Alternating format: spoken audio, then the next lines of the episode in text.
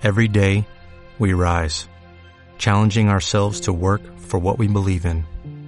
At U.S. Border Patrol, protecting our borders is more than a job, it's a calling. Agents answer the call, working together to keep our country and communities safe. If you're ready for a new mission, join U.S. Border Patrol and go beyond. Learn more at cbp.gov/careers. Todo lo que se hace tiene dos resultados posibles que dividen el universo, y en cada uno de ellos todo está duplicado. Existes en un universo que ve un resultado y otro tú existe en otro universo que ve otro resultado. Es un concepto que da miedo. ¿Cómo puede haber más de un mundo? ¿Cómo puede haber una misma persona haciendo cosas distintas en mundos distintos?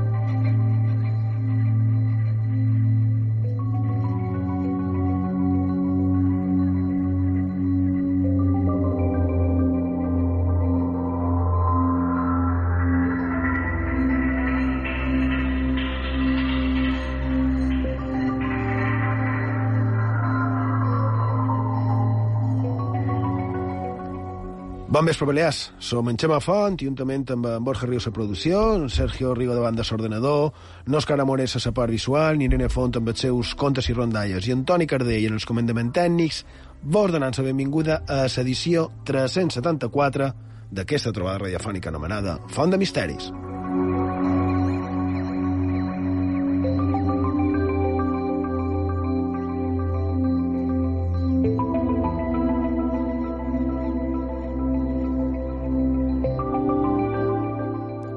Vespre, Borja Rigo. Bon vespre. Sergio Rigo, bon vespre. Bon vespre, Xema. Bé, aquest és el darrer programa normal de l'any, entenem normal com el que fem eh? habitualment a Font de Misteris, clar, perquè pel proper dissabte, 25 de desembre de 2021, hem preparat una edició especial que, com ja és habitual a Font de Misteris, res a veure tindrà amb el Nadal.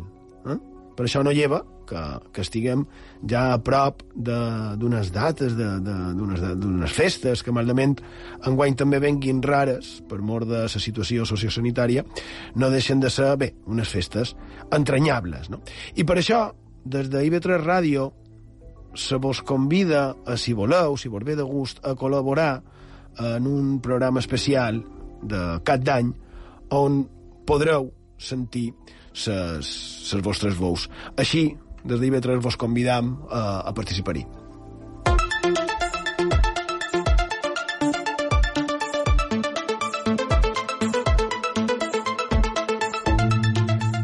Sergio, si vols, feim sumari i, i donarem les instruccions, eh? manera de fer-ho per poder col·laborar en aquest programa de cap d'any. I de començarem aquest programa 374 de Font de Misteris, xerrant així com sona, de residències oficials i fantasmes. Concretament, comentarem un cas del Japó molt sorprenent i que ha sortit a la premsa nacional aquesta mateixa setmana.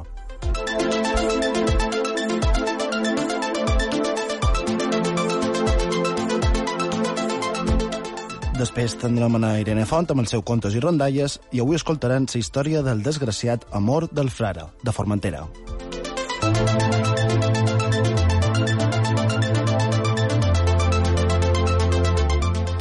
finalment seguirà xerrant de multiversos, desconegut com a fenomen OVNI i d'arxius desclassificats.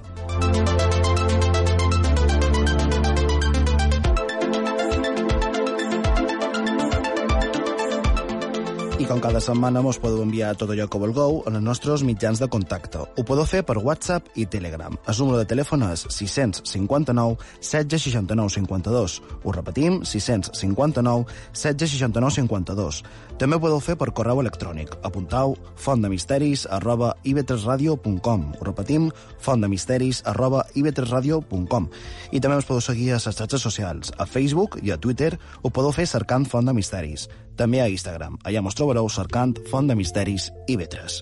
I ja sabeu també, si voleu, podeu recuperar tots els nostres programes d'aquesta desena temporada i de les anteriors. Ho podeu fer en el servei la carta d'IB3 Ràdio, a ib3radio.com, a les diferents plataformes de podcast i a la nostra plana web, fontdemisteris.com.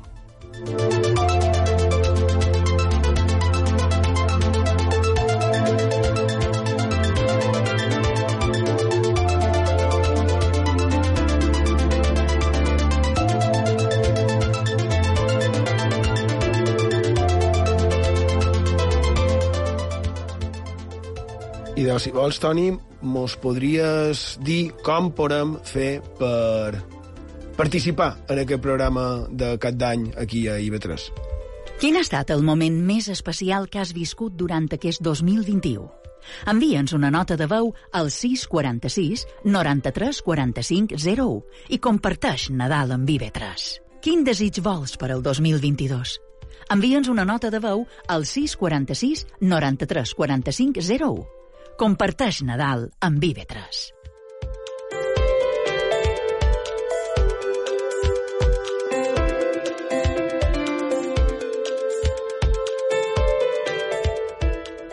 Bé, han dit un, un número de, de WhatsApp, que és corporatiu de sa casa, el número 646 93 45 01, i si no us ha donat temps de, de prendre nota, de fareu, ja sabeu que també, si un cas, mos podeu enviar a nosaltres, en el WhatsApp o Telegram de Font de Misteris, que en Sergio ha dit fa un moment, i ja si un cas nosaltres ho, ho reenviarem, eh? perquè al cap i a la fi mos agrada ser això, un punt de trobada. Bé, un, una gran família.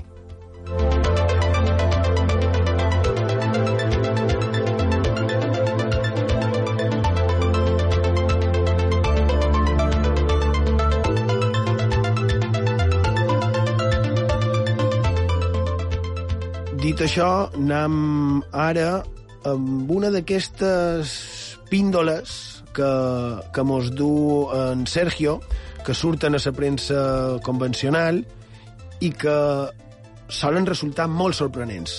Què mos contaràs avui, Sergio Rigo? I d'avui, Xema, volem comentar una notícia que mos ha cridat molta atenció per dues raons. La primera, per titular, i lo que mos conta, Sin miedo a los fantasmas. Ara ho desenvolupam. I l'altra, perquè ha sortit a la plana 10 de La Vanguardia, aquest dimarts 14 de desembre, a tota pàgina.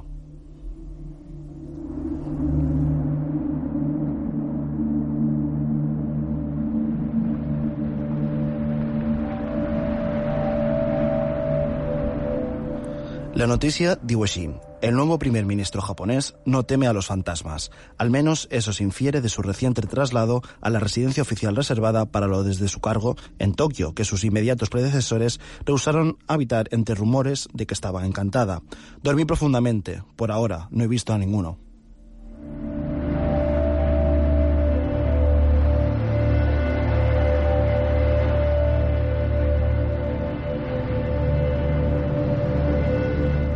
És a dir, en Fumio Kishida, el nou primer ministre japonès, s'hauria traslladat a sa residència oficial, que no s'usava perquè es diu que té fantasmes. Interessant, no?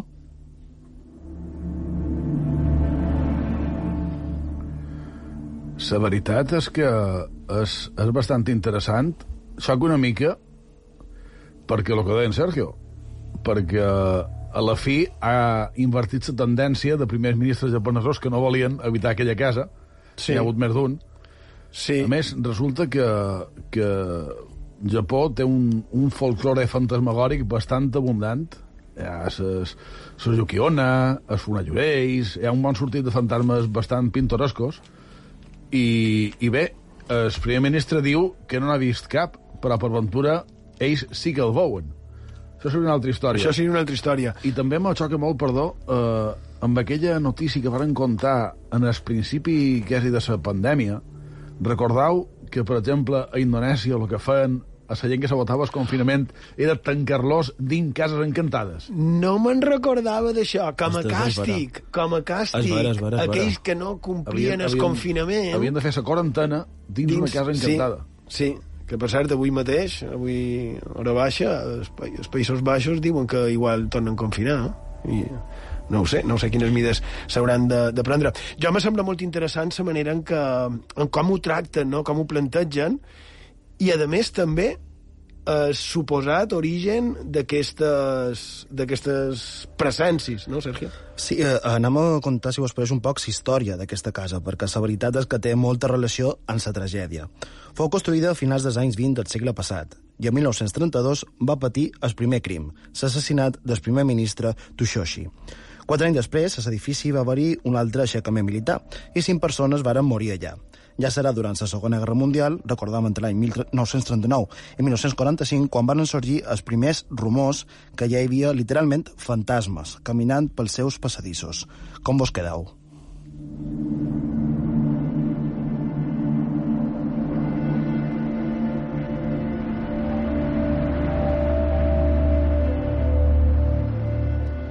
Com indica l'article de La Vanguardia, la tradició diu que el fantasma d'un individu que suïcida o és assassinat a una casa seguirà rondant per allà. Per això, molts de japonesos se neguen a comprar aquestes cases i, de fet, les immobiliàries tenen catàlegs especials per a aquest tipus de propietats. Però la història d'aquesta casa i la seva relació amb els fantasmes no acaba aquí. A l'any 2005 fou reformada. Inclús, mos diu el diari, se li va fer un exorcisme i el primer ministre Abe Shinzo va reconèixer que havia vist fantasmes a la residència. Per tant, ara veurem què passa amb, amb en Fumio Kishida, si finalment durant la seva estada veu suposades coses estranyes o no. Haurem d'estar damunt, però per ara me quedaria amb aquesta sorprenent història i que hagi sortit, com deim, a les primeres planes d'un diari com La Vanguardia. No ho trobeu?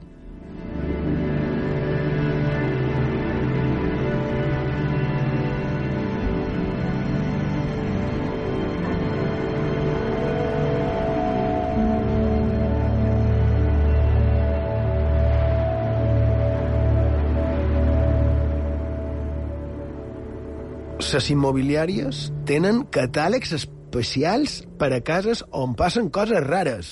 Eh? Jo crec que, que això podria eh, ser l'inici d'un bon debat, no? Compraríeu una casa on et suposa que hi ha fantasmes? De pensar que no és el mateix anar de visita o allotjar-se a un hotel o semblant on es diu que hi ha fantasmes que quedar-se a viure allà, no? En cas, evidentment, de que hi hagi res estrany darrere de tot això de la fantasmogènesis, clar.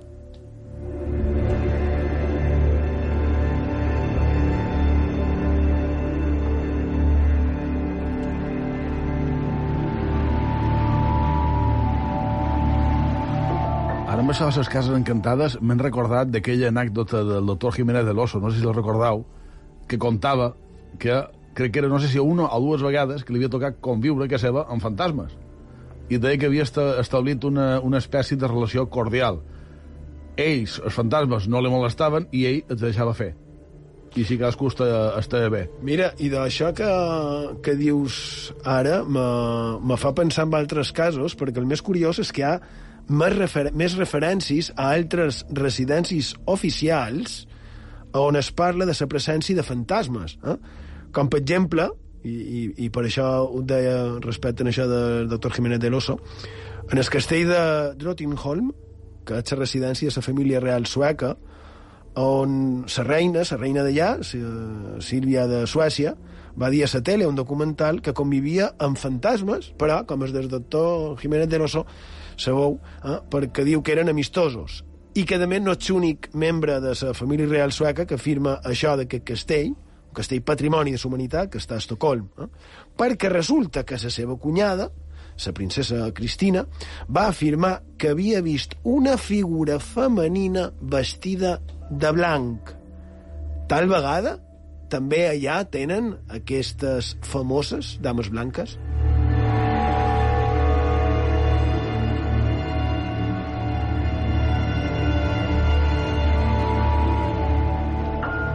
Vos imagineu a la família real espanyola dient que hi ha el que es coneix com a fantasmes a, a qualcuna de les residències oficials? Bé, com a fantasmes no ho sé, però sí que tampoc podem oblidar que la reina Sofia té una gran afició pel tema ovni. Sí, per tema, de, per tema sofni, sí, i que tampoc seria estrany pretenguent que les dues residències, no, però les seves els paraus oficials, diguéssim, aquí a les nostres illes, són els, de, els del de Sant Joan de Saridà, aquí Marivent, ara no me sortia, el palau de Marivent i el palau de l'Almudaina. Tots dos poden tenir, conviden en això, no? I, i d'altres residències oficials que se me venen en els cap, tenim la del president del Brasil, no l'actual, l'anterior, que també va dir que es mudava per aquest motiu, que s'anava de la residència oficial per estranyes presències, o el manco així va sortir a premsa.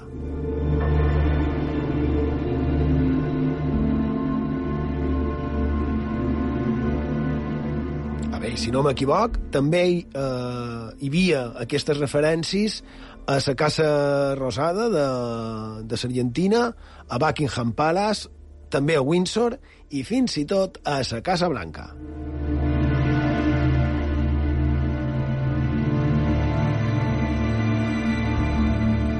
I després estan tots aquells casos que, que no són de residències oficials, que se'n parla en privat, que no transcendeixen, perquè al cap i a la fi, qui reconeixeria públicament que a casa seva o que en el seu lloc de feina pensa que hi ha fantasmes?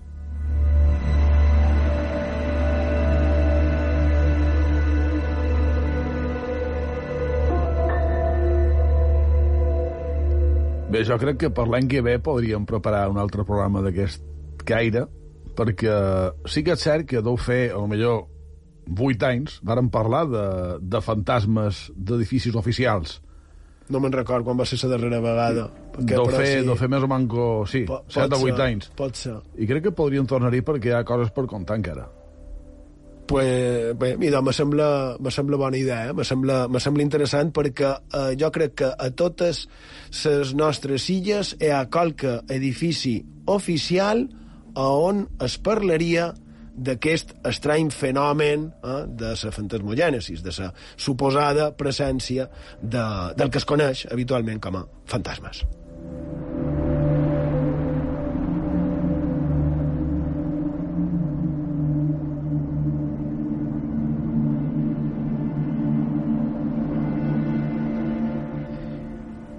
I doncs, si vos sembla, feim una petita pausa i tot una continuem, aquí, a Font de Misteris, a IB3 Ràdio.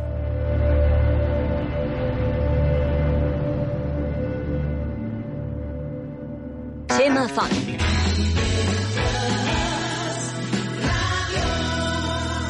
Font de misteris. Cossos, identitat, pensament, nova normalitat, passat, present, futur... Aquest Nadal transformam juntes la nostra contemporaneïtat. Vine a Esbaluart Museu i gaudeix de presentacions de llibres, tallers familiars i descomptes a la botiga. De l'1 de desembre fins al 8 de gener. Més informació a la web d'Esbaluart Museu. Informació, actualitat, entreteniment. Al dia no ens conformam en contar-te què passa. Volem explicar-te per què i com. De dilluns a divendres a les 9. Volem fer preguntes i cercar respostes.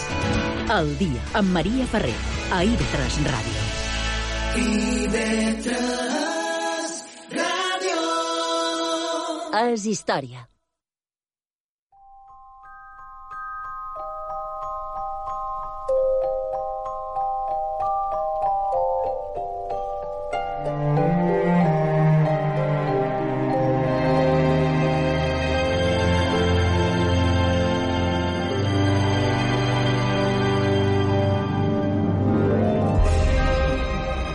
Seguim a Font de Misteris, a sintonia d'IV3 Ràdio, la ràdio pública de les Illes Balears. A Menorca mos podeu trobar en el 88.6 de la freqüència modulada.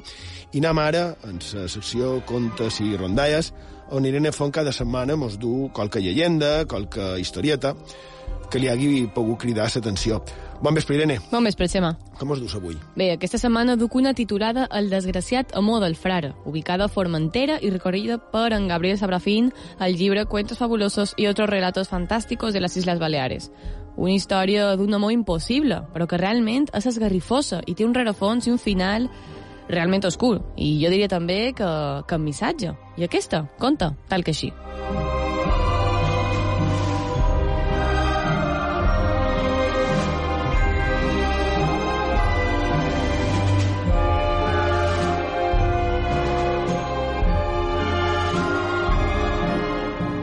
Existeixen a Formentera unes antigues i bellíssimes ruïnes conegudes amb el nom de Monestir dels Frares, Gairebé ja no queda res de la fàbrica conventual, abandonada en temps imprecís i, segons es creu, bastant precipitadament per mor de l'escassa comunitat de professors, deixant des d'aquell moment que la inclement acció del temps emprengui la seva tasca demolidora. A la Mola la gent sabia des de sempre el nom aquest de Es Monestir Frares, referida a un munt de velles pedres, i verdaderament no coneixien gran cosa sobre, sobre aquells religiosos. Bé, no coneixien gran cosa exceptuant una història de terror, molt al gust dels illencs, de la que no es conserven altres testimonis que les ruïnes, un arbre de tormentada silueta i el testimoni generacional que està, junt amb els altres factors, en trànsit de passar a un oblit definitiu.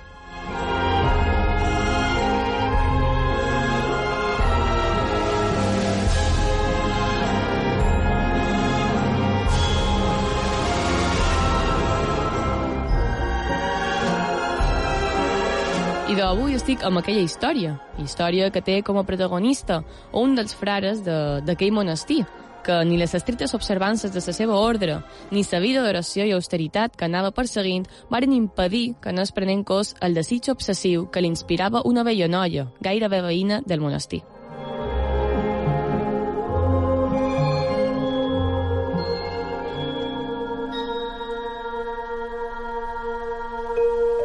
El frare ignorava si ell era l'únic en aquella petita comunitat esclavitzat per aquells sentiments libidinosos. Com podem imaginar, mai es va atrevir, ni de manera sagramental, ni en pla d'amistosa confidència, a confessar les seves íntimes inquietuds al cap dels seus germans de Sanovi. Mai ningú va arribar a descobrir, mentre guaitava lascivament a través d'un porticó o perseguint amb sa mirada a sa jove pallessa, mentre ella, totalment ignorant de, dels foscs desitjos de, del religiós. Passava gran part de les jornades treballant a terra, molt a prop de sort del convent. El desgraciat frare va cercar la religió, amb més força que mai, l'alliberament d'aquella mortificant idea que li tenellava l'espírit.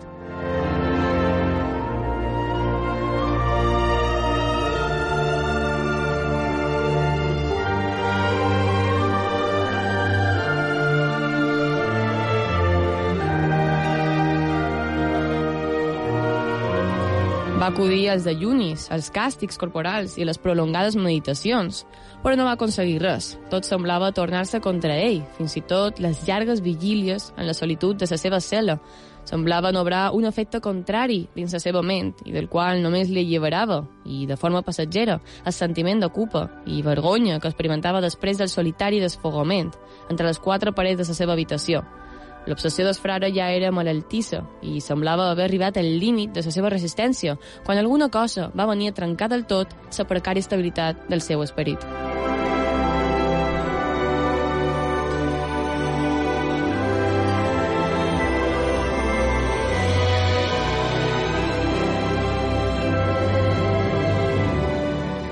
Per qualque país de per que degué anar al convent en una de les seves freqüents visites, va saber que sa noia anava a casar-se un dia d'aquells amb un garrit de les rodalies.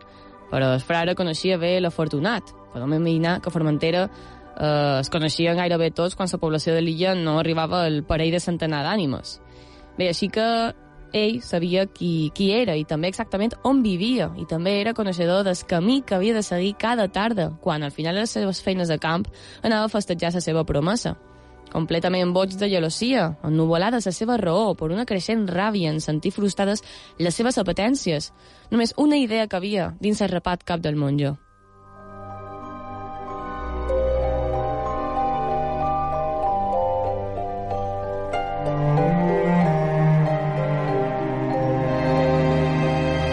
Va abandonar el convent, tapant-se amb la caputxa de la seva capa, i va marxar a bon pas per el camí de la mola, fins que va trobar una amagatalla ben propici per s'emboscada.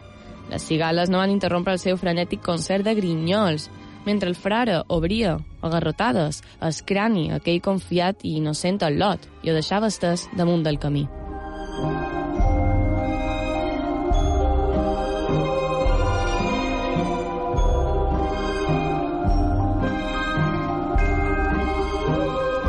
Amb les primeres sombres del crepuscle arribava el frare a sa possessió, on vivia aquella lota que, probablement una mica intranquil·la davant la no aparició aquell dia del seu promès, es disposava a ficar-se al llit.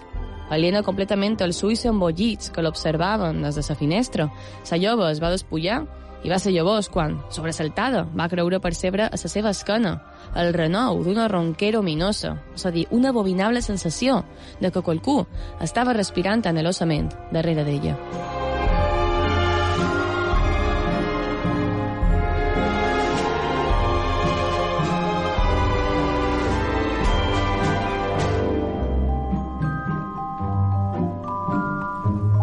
El brand de la doncella es va confondre amb l'horrible clit del frare, que en anar a introduir-se per la finestreta va sentir que els seus peus s'anaven enfonsant dins la terra, com si una força infernal estirés d'ells cap avall. Un rigor semblant al de la mort anava ascendint per les seves cames i tenellant-li el cos, l'asfixiava fins a convertir els seus crits estremidors en un sospir. Només momentàniament, la doncella ho va poder reconèixer. Quan va aconseguir referir-se de sobresalt, va descobrir horroritzada, un arbre d'estranya forma. Una forma que recordava la d'una figura humana i que, introduint pel buit de la finestra una de les seves branques, semblava voler assolir-la.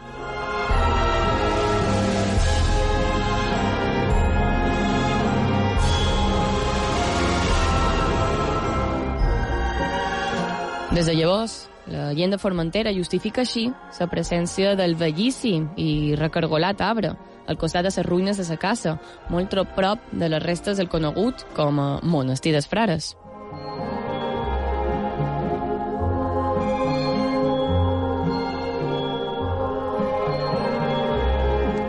La comunitat va desaparèixer aviat d'allà, perseguida amb fúria pels veïns de la Mola, i d'ells només queda un llunyà record, simbolitzat a les derruïdes parets del que va ser, en altre temps, un convent.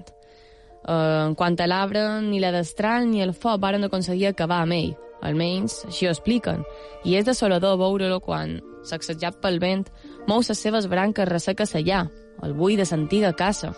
No sap si cercant encara sa jove o si tracta, infructuosament, d'alliberar-se d'aquell suplici etern.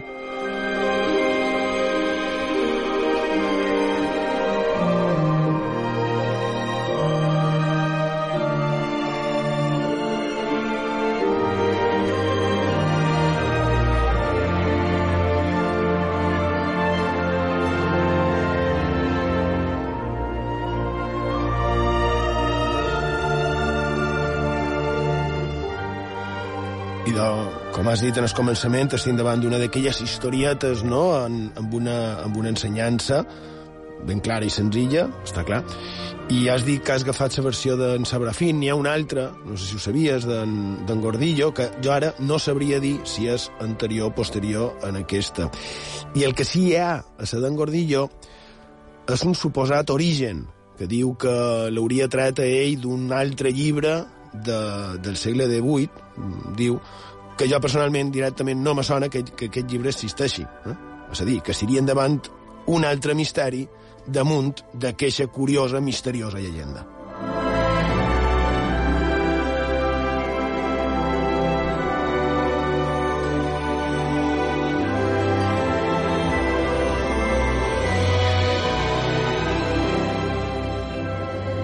I el que sí és cert que, que va existir i sembla que des del segle IX va ser un monestir per d'haver la Mola, Formentera, el per què va desaparèixer, encara que la versió d'en Sabrafín mos digui que per la fúria de, dels vecins no, d'allà, mm, verdaderament no sap, eh, crec jo, gosaria dir el motiu, en el segle XIII se va impulsar aquest monestir, però després eh, va, va desaparèixer, però tampoc s'ha de sorprendre, no? perquè no hem de deixar de banda que les nostres illes des de ben enrere han estat habitades i no s'ha de sorprendre que pogués haver monestirs tan lluny en el temps, no?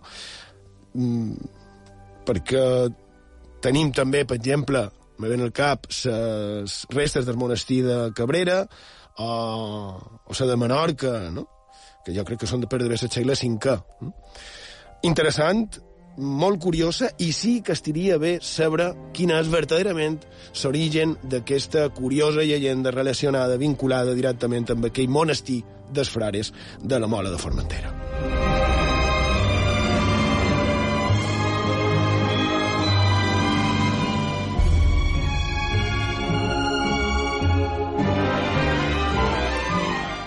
I de res, Irene, moltes gràcies. Gràcies a tu, Xema, i fins l'any que ve.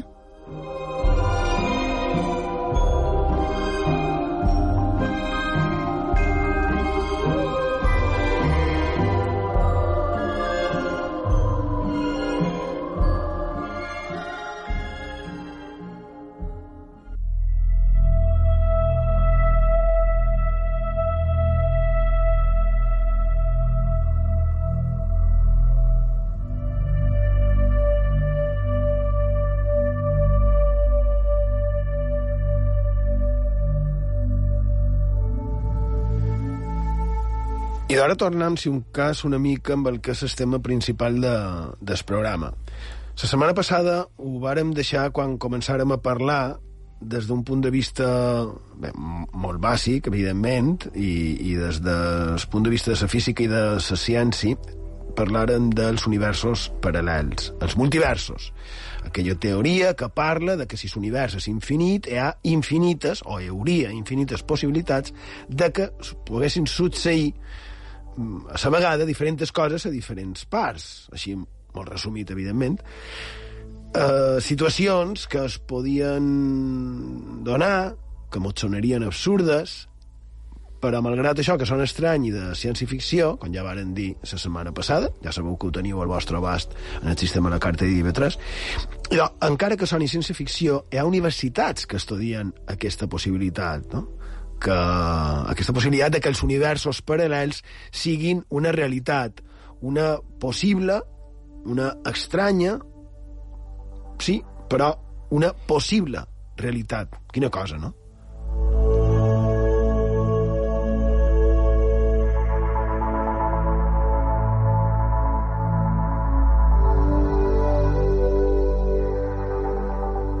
El que jo no sé, Borja Rigo, és com catalogar aquesta historieta que ja vàrem dir que, que havies de comentar. Doncs sí, m'agradaria comentar una, un succés, podríem dir, ben estrany, que va tenir lloc, segons se mos conta, a un fantàstic indret com és el Barranco de Badajoz, a, a Tenerife. Una història que, per ventura, encaixaria, en certa manera, en el tema del qual no parlar avui, i que va ser protagonitzada per una nina que va rebre el malnom de Niña de les Peres. Mos situam entre 1890 i 1910, no hi ha una data exacta.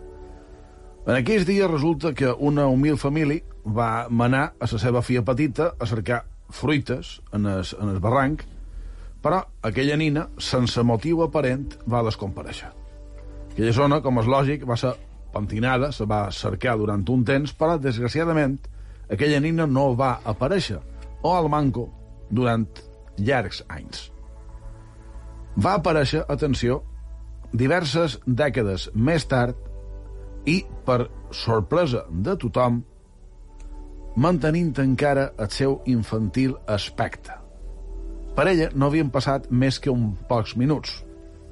I la versió que ella va contar, suposadament, diu que va anar al barranc a la recerca de fruita perquè els pares l'havien manat i en arribar a una parera se va quedar dormida en el costat del tronc. Cap d'una estona va ser despertada per un ésser, diguéssim, estrany, molt alt i vestit completament de blanc. Aquella nina no va mostrar cap por davant l'aparició. És més, aquell ésser la va convidar a anar darrere i ella, de manera més o menys submissa, hi va anar. Se van endinsar a una cova i van davallar per unes escales que hi havia. I, en acabar el descens, se van trobar amb un vell i verd jardí, en el qual hi havia encara més éssers com els que havia duit a Salota fins allà, molt alts i vestits amb blanques i resplendents robes.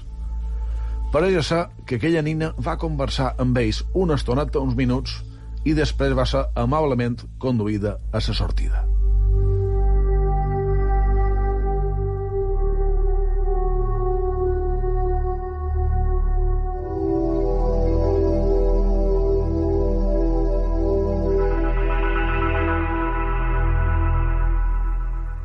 I de, curiosament, té certa relació això que contaré jo ara, que just ahir divendres, me la varen enviar per, per WhatsApp, varen enviar un enllaç a una notícia d'una curiosa, podríem dir, història, història entre cometes, que... Bé, millor jo la cont i ja, si un cas, cadascú que decideixi. Un avió volava de Nova York a Miami dia 2 de juliol de 1956. A mig camí, sense saber ni com ni per què, aquell avió desapareix dels radars.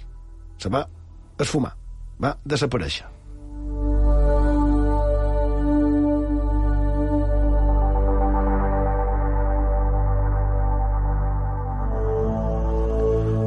Es va pensar que aquell avió havia caigut a la mà, sembla que, que hi ha un moment de desvol que sobrevola efectivament l'Atlàntic i clar, varen enviar el servei de rescat van tratar de trobar-ho i, uh, i al igual que amb aquell avió de Malaysian Airlines que ja varen comentar fa anys a Font de Misteris i de, al igual que en aquell cas aquell avió de 1955 va desaparèixer no es va localitzar i, i s'hauria donat com a causa pues, això, un accident, un accident a l'oceà però la història no acaba aquí. De fet, la història comença aquí.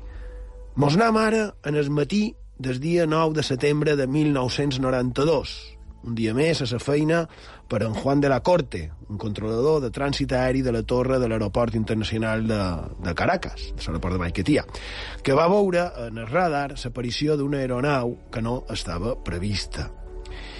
I les sorpreses van continuar quan ell i els seus companys de treball se n'adonaren que es tractava d'un avió McDonnell Douglas DC-4 que anava encara amb, amb hèlix en lloc d'en turbines. Eh? Era un model que ja feia temps que s'havia reemplaçat per altres. Moments de confusió quan el pilot va demanar en, en anglès a on era. Eh?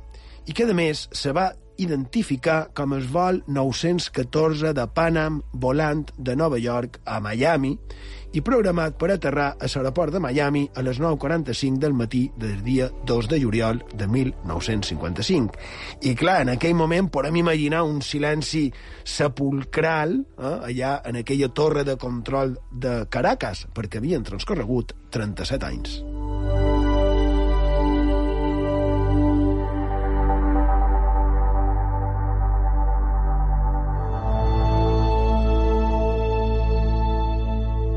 El controlador de vol, encara això, va mantenir la calma, va buidar les pistes i va esperar que aquell vol aterràs per poder parlar amb ells.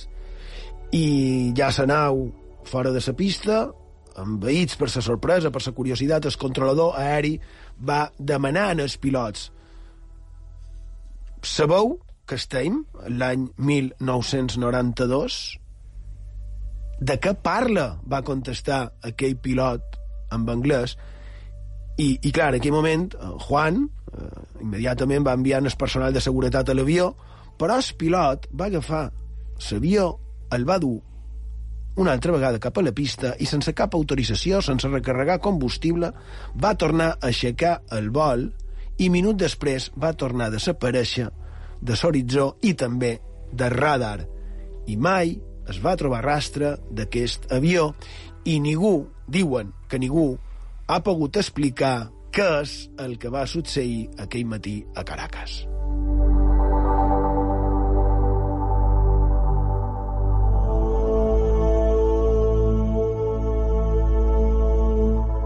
Aquesta història surt a diferents mitjans de, de comunicació eh, amb més o manco fiabilitat, eh? Però sí també hi ha premsa, premsa normal, per entendre'ns. Però bé, aquestes historietes poden ser únicament una fantasia, una invenció, una justificació, o no sé, qualsevol cosa.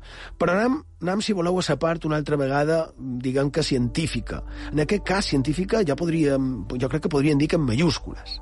La setmana passada varen citar el catedràtic d'astrofísica de Harvard i, i la seva obra, i do, ara anem amb un altre llibre. En aquest cas és del Premi Nobel de Física, en Stephen Weinberg, en el seu llibre Explicar el mundo, a la pàgina 123 parla d'en Kepler i diu Eso no fue simplemente una estupidez por parte de Kepler. En su época, nadie sabía, y Kepler tampoco lo creía, que las estrellas eran soles con su propio sistema planetario.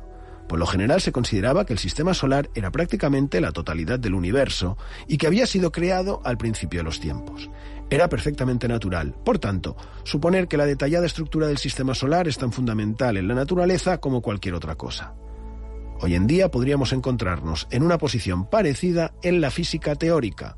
Por lo general se supone que lo que llamamos el universo en expansión, la enorme nube de galaxias que observamos separándose velozmente y de manera uniforme en todas direcciones, es la totalidad del universo. Y segueix. Pero también es posible que lo que llamamos el universo en expansión no sea más que una pequeña parte de un multiverso mucho más grande que contenga muchas partes en expansión como la que nosotros observamos y que las constantes de naturaleza adquieran valores distintos en partes distintas del multiverso.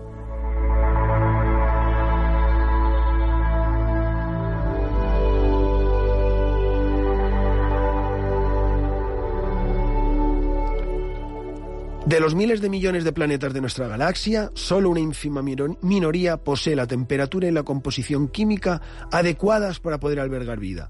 Pero es evidente que cuando la vida comienza y evoluciona hasta dar lugar a los astrónomos, evoluciona hasta dar lugar a los astrónomos, estos se encuentran en un planeta perteneciente a esta minoría. Por ello, no resulta sorprendente que el planeta en el que vivimos no esté a una distancia del Sol ni el doble ni la mitad de, la, a la que nos encontramos. Del mismo modo, parece probable que tan solo una pequeña minoría de los subuniversos del multiverso poseyeran constantes físicas que permitieran la evolución de la vida, aunque naturalmente cualquier científico se encontrará en un subuniverso perteneciente a esa minoría. Todo esto, por supuesto, es enormemente especulativo, pero sirve como advertencia de que al intentar comprender las constantes de naturaleza, puede que nos encontremos con la misma decepción que Kepler se encontró al intentar explicar las dimensiones del sistema solar. I aquí ja, per acabar, una sentència d'aquest Nobel de Física. Algunos distinguidos físicos deploran la idea del multiverso porque son incapaces de aceptar la posibilidad de que en la naturaleza haya constantes que no se puedan calcular nunca. Es cierto que la idea del multiverso podría ser un completo error, por lo que resultaría prematuro renunciar al esfuerzo de calcular todas las constantes físicas que conocemos. Pero el hecho de que nos haga desdichados no ser capaces de llevar a cabo esos cálculos no es ningún argumento contra la idea del multiverso. Sean cuales sean las leyes finales de la naturaleza, no hay razón para suponer que estén diseñadas para que los físicos se sientan felices.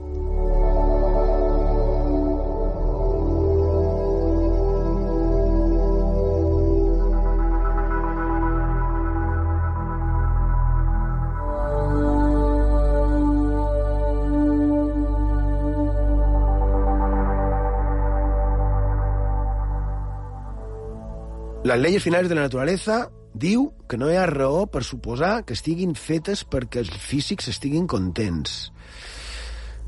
I, i encara que, que tot això que ha dit aquest senyor també pugui semblar fantasia o ciència-ficció per a molts, no hem de deixar de banda que està dit per un dels considerats com a possibles pares de la física moderna, Premi Nobel de Física. Eh? Així que crec que és d'allò més interessant i, i com vàrem dir, una cosa és ciència i l'altra és ciència-ficció, encara que una pugui emboure de l'altra, no?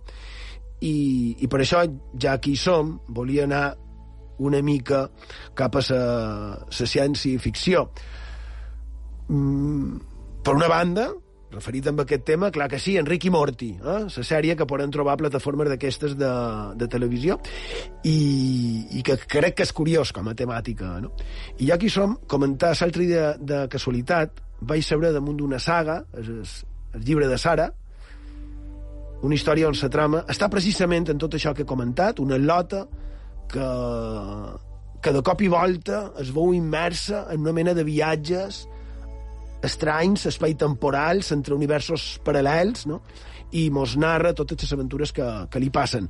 L'autor és, és el mallorquí eh, Vicente García, i l'editorial és una editorial illenca també, Dolmen, interessant, la trajectòria d'aquesta editorial, jo crec que qualque dia podríem parlar amb ells, i, i més me va interessar quan vaig saber que en Xavier Matassant, el crític cinematogràfic, el, el director de, de Fancine, i de, sembla que les seves paraules va dir que ja es torbaven a fer sa, sa peli. I clar, fa que un s'interessi. Té molt bona pinta. El libro de Sara, editorial Dolmen.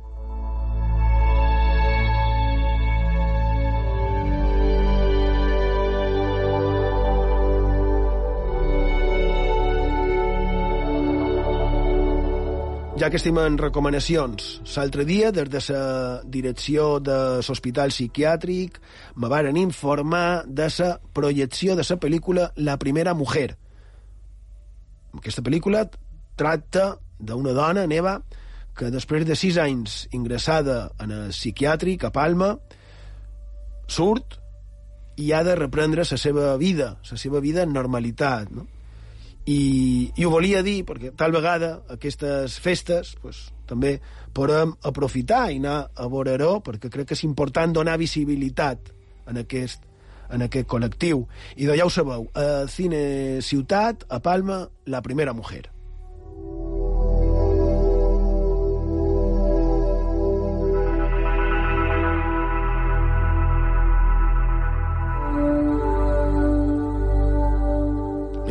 Parell que he agafat carrerilla, eh, perquè ja que estem amb aquestes recomanacions nadalenques, una altra que, que podria recomanar per aquestes festes, ara que he dit això de, del cinema, seria la reedició de la pel·lícula El viaje del más allá, que ara ha complert 40 anys, jo la vaig veure fa, fa temps.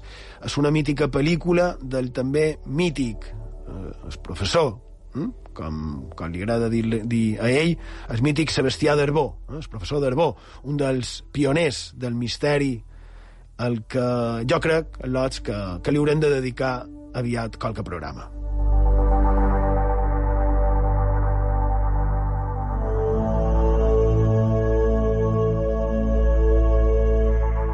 damunt d'aquesta pel·lícula, El viaje al más allá, eh, Sebastià Darbó ho, ho defineix com a cinema parapsicològic. Eh?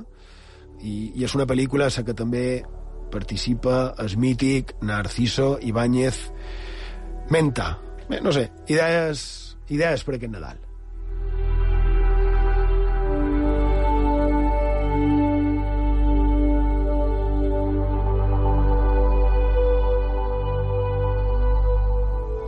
I ja que estem en recomanacions i també en, en clàssics i mítics dins del món del misteri, han sabut de la reedició del llibre Mallorca en 80 rutes d'en José María Ibáñez, periodista del misteri, amic de Font de Misteris, ell dirigeix el programa de ràdio La Realitat Oculta, i aquest llibre ja m'ho vaig llegir fa temps, eh, de fet varen tenir en, en, en en Josep Maria en el programa i me fa ganes pegar-li una ullada en aquesta reedició per, perquè m'han dit que està ampliada i, i pot ser interessant. Avui mateix s'ha fet la presentació a la Biblioteca Pública de Can Sales, a Silla de Mallorca.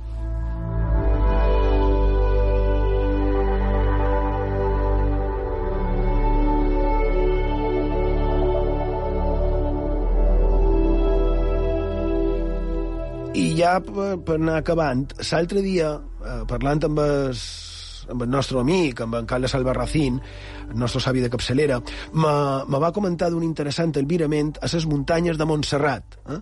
I com sabem que des de, des de Catalunya mos, mos escoltau, que tenim seguidors eh, també a Catalunya, vos volem demanar si qualcú va veure cosa rara el passat dia 5 de desembre uns minuts abans de les 7 de Sora Baixa, de la tarda, allà a Montserrat. Si, si teniu res a dir, ja ho sabeu, el nostre número de WhatsApp i, i Telegram, 659 16 69 52.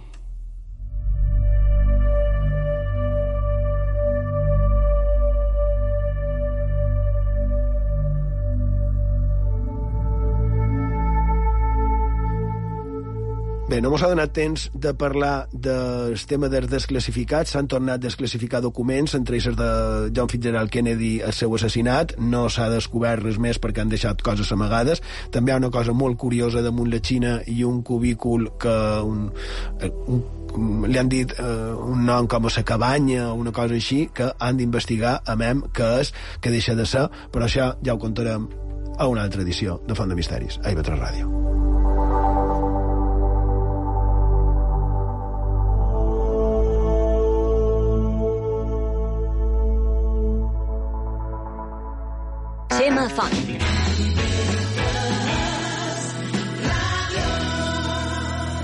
De misteris. Som a punt de tancar un any i és hora de fer-ne un resum. Enguany, a IB3 Ràdio el volem fer amb tu. Envia'ns una nota de veu al 646 93 45 01 amb un record d'aquest 2021 que és a punt d'acabar o amb un desig per al 2022. Comparteix Nadal amb IB3. El primer podcast ficcionat d'IV3 Ràdio arriba a internet i a les xarxes socials. El 5 de setembre de 1936 ens assassinaren i enterraren en una fossa comuna. Abans, ens violaren i torturaren. Aquesta és la nostra història. Aquest és el meu diari. Diari d'una batalla. Milician, diari d'una batalla. Una producció de Saïm Edicions.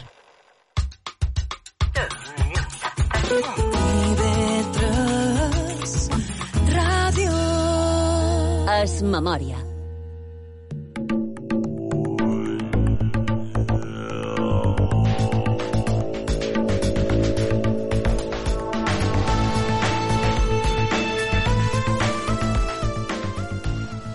Arribat a la fi del programa d'avui. Esperem que hagueu passat una estona agradable i que hagueu pogut treure qualque cosa de profit d'aquesta font de misteris. I fa una setmana, a premsa, varen veure un notici que va sorprendre molt i que a les xarxes va haver molta mofa, eh? molta befa. A més, um, com si diguéssim, i permeteu-me dir-ho així, amb aires de superioritat. I, I què voleu que vos digui? Jo crec que mos pot servir de mostra de com mesuram en doble, mas, en doble vara de, de mesurar perquè diu que Aràbia Saudí han desqualificat d'un concurs de bellesa a 43 camells per haver-los fet cirurgia estètica i haver-los aplicat Botox. Què vos sembla? Què penseu d'això? I de... Segons el que, el que hagueu pensat, crec que cal recordar que aquí no fa tant es feien coses ben semblants i encara pitjor, si voleu, perquè allà ho fan perquè l'animal tingui més valor. Però aquí es fa, es feia, perquè l'amo es sentia millor per tenir un animal més, més ben... més, més perfecte.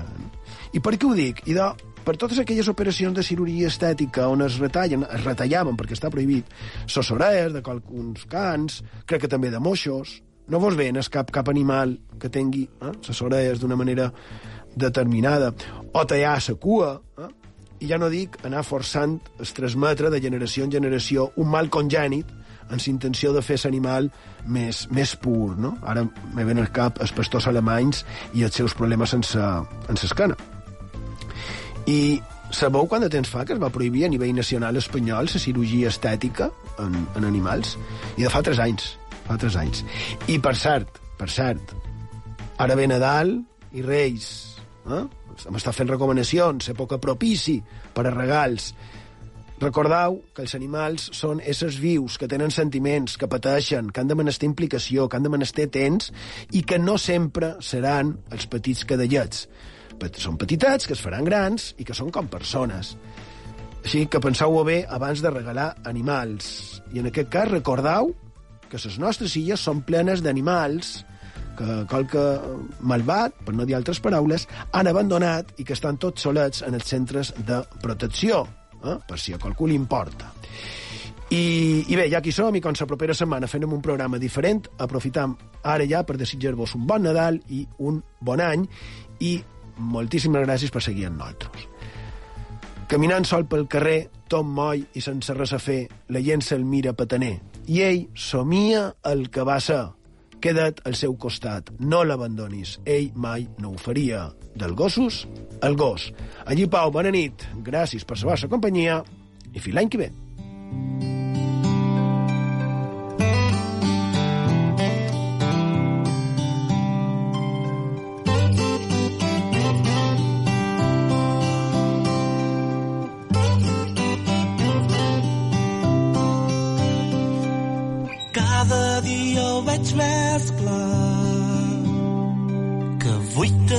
al meu costat reflexat en un mirall t'he començat a imaginar. Cada dia ho veig més clar que vull tenir-te al meu costat reflexat